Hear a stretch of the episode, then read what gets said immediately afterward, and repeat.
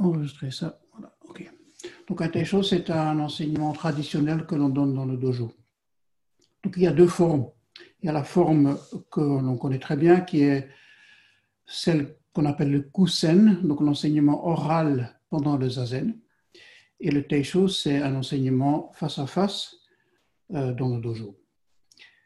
C'est possible à la fin de poser des questions. Ce n'est pas le but, par contre, de commencer à, rentrer dans des discussions. Ce n'est pas le but hein, de, avec ces questions de dire oui, moi je pense que. Voilà. Ça, on, peut le faire euh, une fois euh, que les cafés seront de nouveau ouverts. Hein. on peut discuter au bar, euh, tout ce que vous voulez, mais au Taisho, s'il y a des questions, c'est surtout des questions d'approfondissement, d'éclaircissement, de demander, voilà, il y a ce passage, je n'ai pas bien compris, est-ce que tu peux le, le, le, le reformuler? Voilà. Et ça, on fera à la fin si c'est nécessaire. Et en ce moment-là, je mettrai mes écouteurs pour entendre vos questions et, et ce sera à vous d'appuyer sur le bouton en, bas à gauche de l'écran pour euh, activer votre micro. Donc, euh, je voulais vous parler aujourd'hui de, ben oui, un peu de l'époque dans laquelle nous vivons pour l'instant, qui est, à mon sens, une époque intéressante, qui n'est pas facile, c'est vrai, parce que là, tout d'un coup, euh, avec euh, cette pandémie du corona, on est obligé de, de, de, reprogrammer nos habitudes. Là où on, on, pense être libre d'aller et venir où on veut, selon nos désirs, etc., ben, tout d'un coup, on est limité. On ne peut pas faire ce qu'on veut. Et euh, voilà, ça, ça, bouleverse quand même beaucoup d'habitudes. Quand on va au magasin, on est obligé de prendre une charrette. Euh, voilà, il y a plein de choses, de, de, de, garder à la distance. Il y a comme ça plein de choses qui nous déplaisent. Et en plus, il y a aussi ce, ce danger, ce risque de ce virus qui est là euh, et qu'on peut attraper et qu'on peut transmettre à d'autres personnes. Donc, c'est une époque euh, pas facile à vivre, mais qui est intéressante parce que pour les, pratiquants de la voix, donc nous, euh, ça pose des questions fondamentales par rapport à la vie et à la mort. Enfin, il me semble. Et j'avais donc écrit un article il y a une dizaine de jours, je crois, sur comment penser la situation dans laquelle on vit. Et tout à la fin de l'article, je parlais d'être reconnaissant par rapport à, à, ce que la vie nous, nous offre. Voilà. Et quelqu'un m'avait écrit, m'avait répondu en disant qu'il avait bien, bien compris l'article, que les idées lui, lui interpellaient, mais que pour lui, pour cette personne, c'était un peu difficile d'être reconnaissant par rapport à l'existence qui nous amène des difficultés et que pour lui, être reconnaissant par rapport à ça, c'était difficile. Alors, ça m'a fait réfléchir, bien sûr, parce que, en effet, je n'avais peut-être pas suffisamment bien approfondi ma pensée par rapport à ça. Et, et donc voilà, c'est pour ça que je me suis dit, on va reprendre une fois les quatre nobles vérités du Bouddha. Euh, c'est en fait son premier sermon, comme, comme, vous le savez. Après son éveil, ça a été son, son tout premier sermon qu'il a fait. Et donc, euh, on va maintenant les, les, relire ensemble euh, avec plusieurs en taisho des prochains, prochains jours.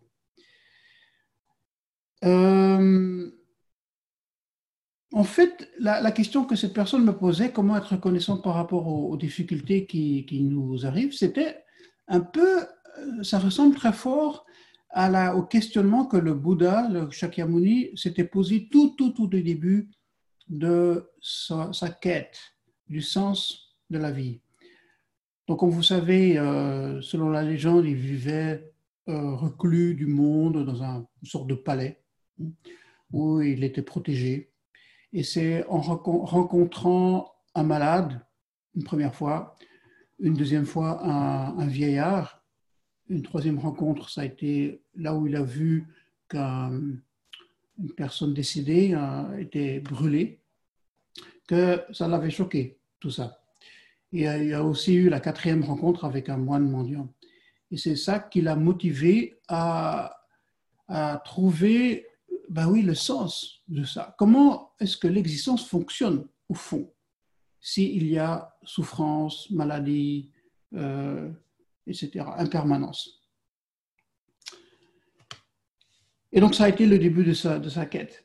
Et le, le premier euh, enseignement qu'il a donné, c'est justement ces quatre nobles vérités. Ben justement, donc on, va peut-être les lire là. Euh, donc, dans la première vérité, il parle de dukkha. Ça se trouve dans le chapitre du Sanyutta Nikaya, le chapitre 56.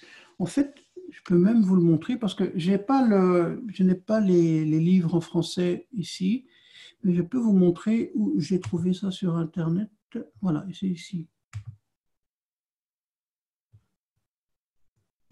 Voilà. Donc c'est le, le Samyutta donc qui est toute une, euh, une collection de sutras. C'est le numéro 56. Et c'est en effet le Saka Avatana Sutta. La mise en mouvement de la roue du Dharma. Et je pense que c'est une, traduction qui, est, qui me semble tout à fait correcte parce qu'il y a le, le pali euh, d'un côté et le français de l'autre. Donc voilà, c'est euh, à partir donc ça vous pouvez trouver sur internet si vous voulez le lire à votre aise une fois. Euh, voilà, c'est là que ça se trouve. Donc, ben, lisons-le. Enfin, l'extrait qui nous concerne. Dukkha, euh, c'est difficile à traduire le mot dukkha. C'est souvent, pour aller vite, expliqué comme étant souffrance, insatisfaction fondamentale. Et ici, dans la traduction qu'il y a, c'est mal-être. Donc, le Bouddha, il dit, voici la noble vérité du mal-être. La naissance est mal-être. Le vieillissement est mal-être. La maladie est mal-être. La mort est mal-être. L'association à ce qui est désagréable est mal-être. La séparation d'avec ce qui est agréable est mal-être. Ne pas obtenir ce qu'on désire est mal-être. En bref, les cinq accumulations d'attachement sont mal-être. Alors ce terme un peu bizarre des cinq accumulations d'attachement, en fait ce sont les cinq skandhas que vous connaissez, je suppose, qui constitue donc toute notre personnalité, notre être. Donc pour les, les, rappeler, c'est la matière, les sensations, les représentations mentales, euh, la volonté et la conscience. On ne va pas parler de ces cinq scandales-là aujourd'hui, mais voilà, c'est déjà euh, bien de les retrouver là, dans ce, dans ce premier enseignement, la première vérité noble. Alors, on peut maintenant se poser la question, pourquoi Bouddha commence-t-il avec l'enseignement du mal-être? Ça, c'est pour moi vraiment euh, fondamental même. Parce qu'en fait, il aurait pu très bien commencer à l'inverse. Il aurait très bien pu dire, euh, chers amis, la vie, l'existence n'est pas idéale. Il y a plein de problèmes. Mais si vous êtes habile, si vous êtes intelligent, si vous avez euh, les connaissances, les connexions euh, justes, vous pouvez être heureux. Vous pouvez acquérir le bonheur. Ce n'est pas ça qu'il dit. Parce que ça, cette façon de voir les choses, c'est la façon du monde. Hein, la la, c'est le programme néolibéral, je pourrais même dire, de la société dans laquelle on vit. Hein, la vie n'est pas satisfaisante, mais il y a possibilité d'être heureux. Si vous êtes riche, si vous faites ci, si vous faites ça, il y a possibilité d'être heureux. Voilà. Et c'est pas du tout ça que le Bouddha fait. Lui, il dit non, la vie, fondamentalement, euh, la façon dont on la vit est mal-être. Et il le fait parce qu'en en fait, il, il travaille un peu comme un médecin, comme un toubib.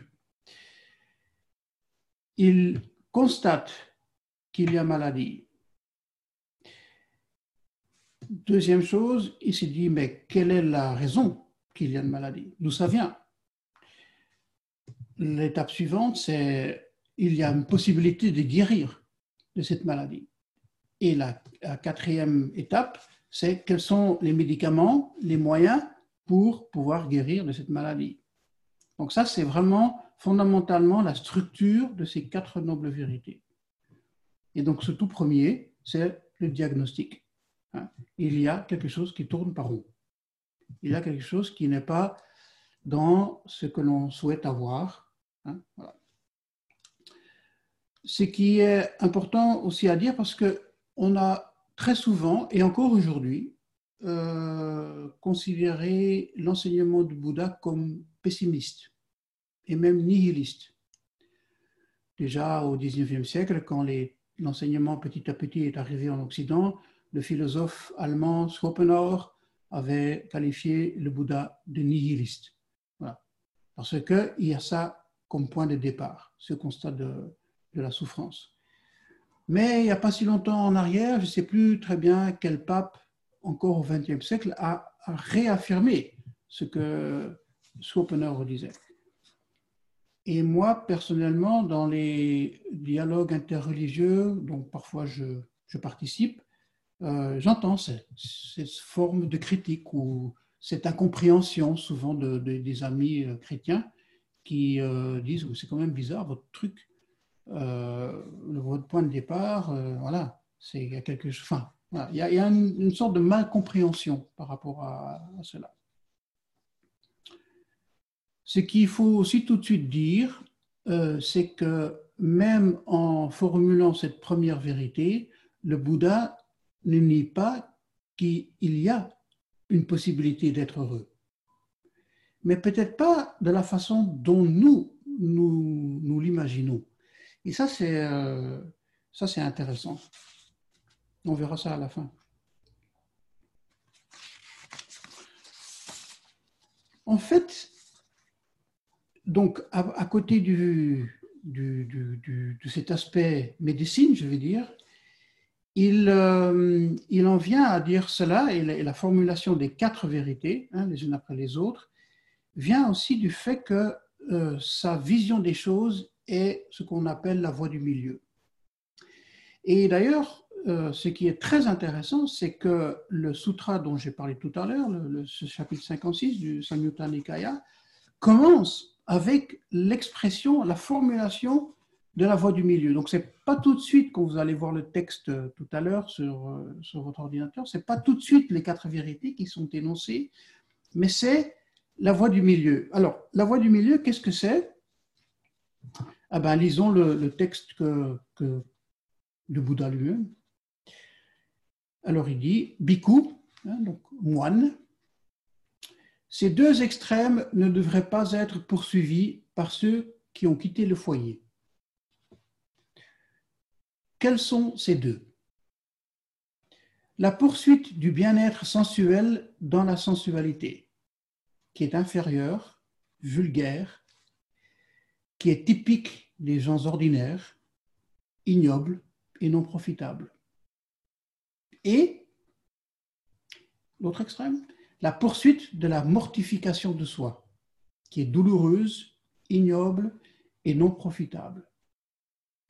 Évitant ces deux extrêmes, bhikkhu, la voie médiane à laquelle le Tathagata c'est pleinement éveillé, qui apporte la vision et la connaissance, mène à la quiétude, à la connaissance directe, à l'éveil complet et à l'extinction. Donc c'est là où on, va, où on trouve en effet la voie qui mène à la quiétude, à la voie qui mène au bonheur tel que le Bouddha le conçoit. c'est dans cette voie médiane, la voie du milieu. Et ça, c'est quelque chose que l'on doit vraiment garder à l'esprit, même dans la pratique. Il faut absolument éviter les positions extrêmes. Donc le Bouddha, lui, parle de la poursuite de la sensualité d'un côté extrême. Ben, ça, c'est quelque chose qu'on voit partout. Je veux dire, toute notre économie fonctionne là-dessus. Hein? Satisfaire tous les désirs que l'être humain peut avoir. Et ils sont infinis. Donc euh, la machine, elle peut continuer à tourner pendant encore longtemps. Donc ça, c'est une extrême. Et l'autre extrême, c'est le renoncement à tout, au monde, se retirer du monde, dire que le monde est mauvais, que la société est mauvaise, qu'il y a le mal partout. Et ça, ce sont des, points de vue que l'on entend quand même souvent, euh, même dans le zen.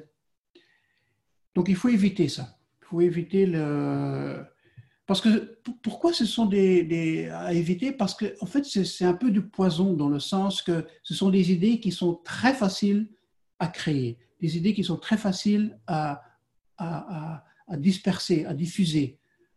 Euh, c'est très simple de dire bah oui, euh, allons-y, jouissons de tout ce que la terre peut nous apporter. Ou l'autre extrême, non non non non, le monde tel qu'il est maintenant est imparfait, il faut se retirer de ça, il faut surtout pas y toucher. Voilà. Et, donc, c'est.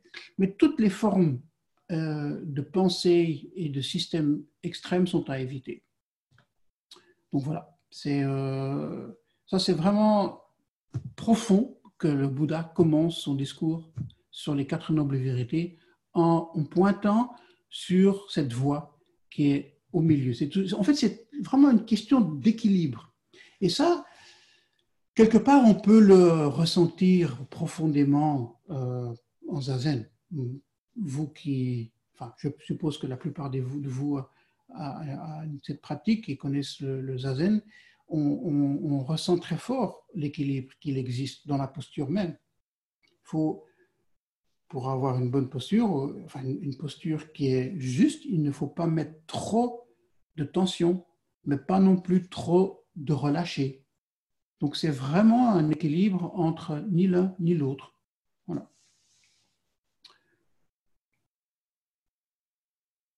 Cette voie du milieu est également importante à toujours bien garder en tête et pour en effet aussi bien comprendre que dukkha, donc ce mal-être, n'est pas une fatalité n'est pas un mauvais sort.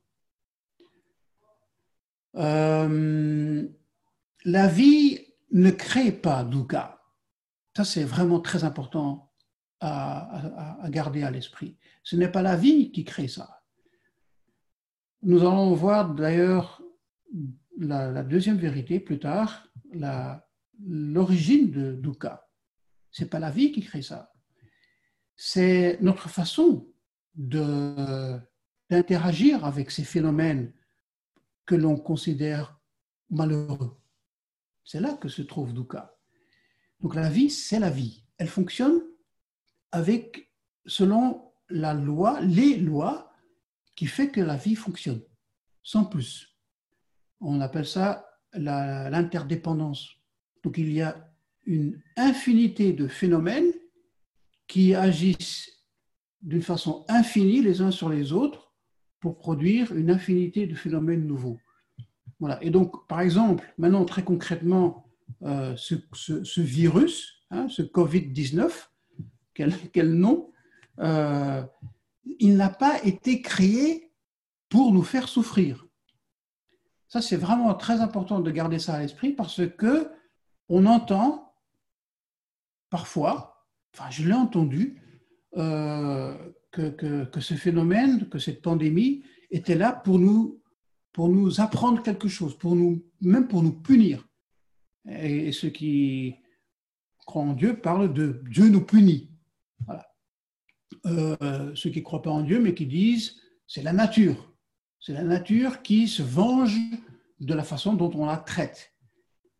je ne crois pas du tout à ce genre de pensée. C'est de nouveau une pensée extrême euh, qui ne va pas résoudre notre façon de voir les choses.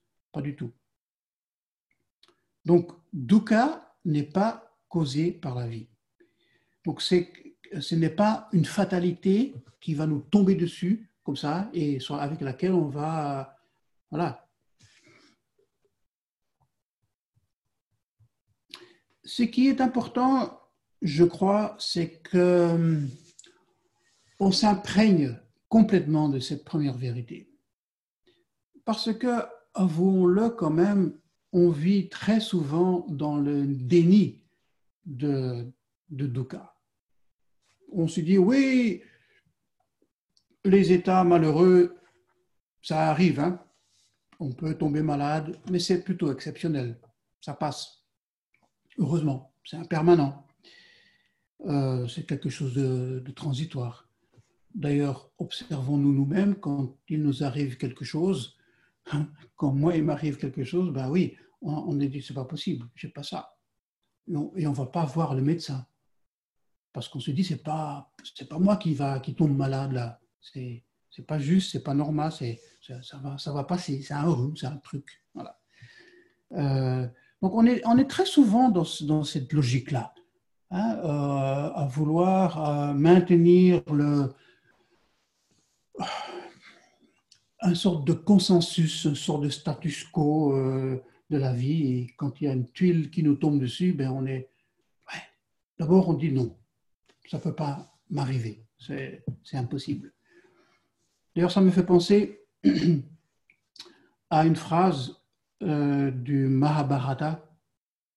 Le Mahabharata, c'est grande épopée indienne qui d'ailleurs m'a un peu amené sur la voie, je peux dire, il y a longtemps en arrière. Euh, c'est pas bouddhiste, hein, Mahabharata, c'est même pré-bouddhiste. C'est une, très, très, très vieille épopée, mais qui parle aussi du Dharma.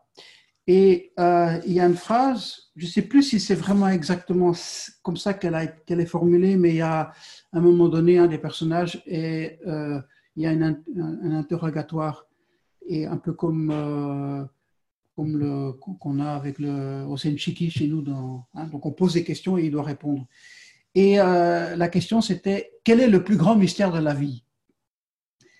Et je crois que c'est Arjuna qui répond je ne sais plus maintenant en fait un des personnages et il dit le plus grand mystère de la vie c'est que nous naissons et que nous mourrons mais que nous vivons comme si on était euh, éternel. Voilà. Et ça, c'est quelque chose qui m'avait bien aimé, parce que c'est vrai. Hein, on, est comme ça très vite dans le, le fait que tout est impermanent, que à la fin du au bout du chemin, ben oui, la, mort va, va, va, arriver pour nous tous. Ben on, on, on met ça sous le tapis. On va. Alors voilà, c'est ça que je veux dire, que être imprégné par dukkha, c'est important, d'être complètement imprégné. Et le Bouddha lui-même le disait que c'était pas facile de, comprendre ça euh, véritablement, bien le comprendre, de l'incorporer complètement, de l'accepter complètement.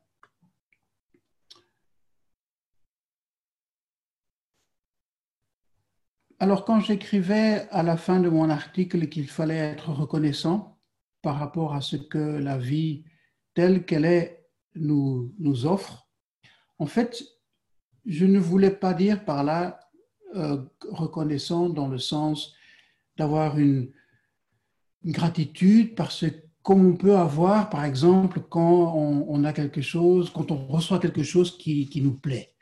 Hein, on reçoit un beau cadeau et voilà, et on, remercie parce que ça nous plaît de recevoir un beau cadeau, une praline, quoi que ce soit, qui nous est agréable. C'est pas dans ce sens-là que je voyais reconnaissance.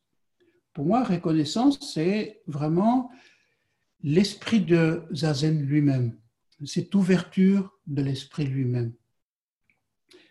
L'ouverture de l'esprit vers la vie telle qu'elle est.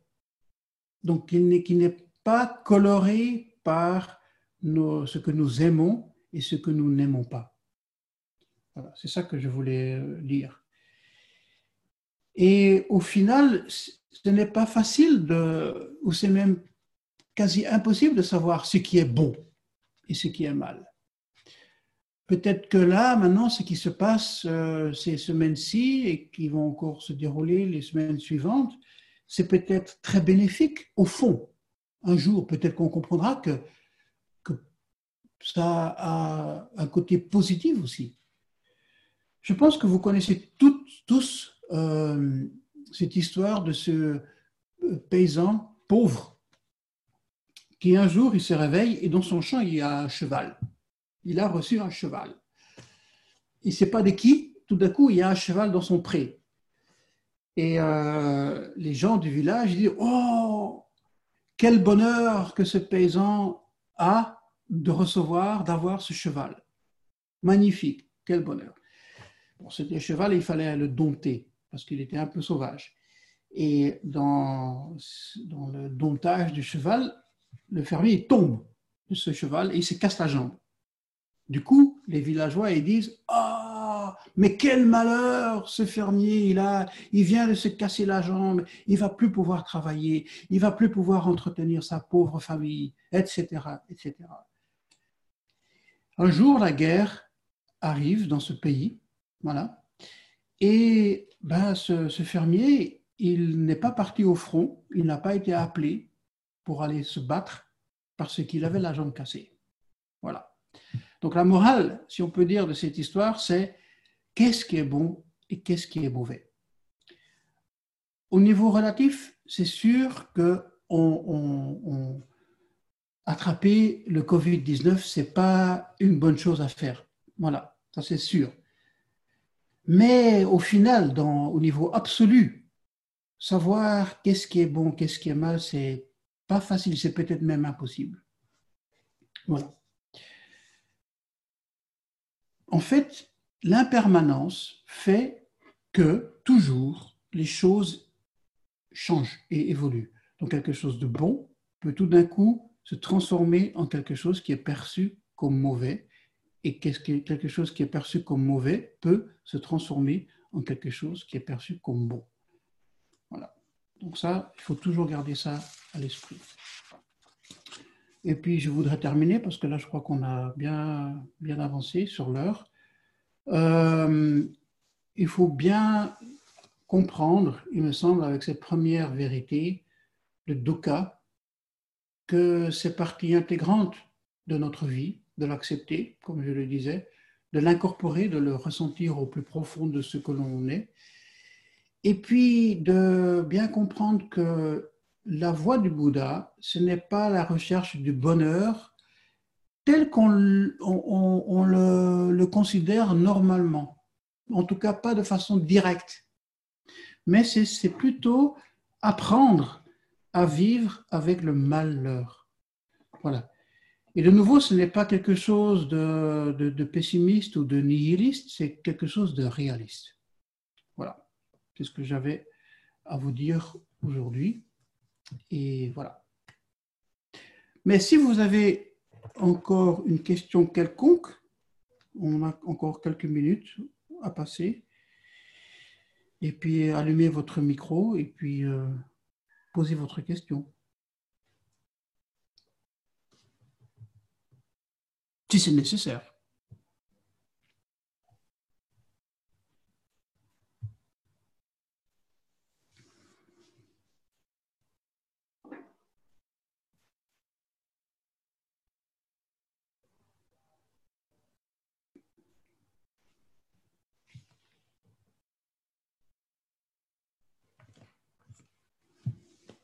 Mais si ce n'est pas nécessaire, c'est que tout a été très bien compris, donc c'est parfait. C'est parfait. c'est parfait. En tout cas, en tout cas, euh, on continuera, euh, je pense, la semaine prochaine. Je vous communiquerai quand, éventuellement même jeudi prochain, voilà, je ne sais pas, pour attaquer la deuxième vérité, puis la troisième et la quatrième. Voilà. Donc, euh, ah, il y a un petit message sur le chat. OK, très bien. Ben, merci Dominique. Et puis merci à vous tous d'avoir participé à cet enseignement euh, virtuel. Euh, voilà. Donc bonne continuation. On se retrouvera dans les AZEN euh, en ligne. Et voilà, portez-vous bien, soyez sages. Et voilà. Et à bientôt. Merci. Bientôt. Voilà, au revoir. Bien chaud.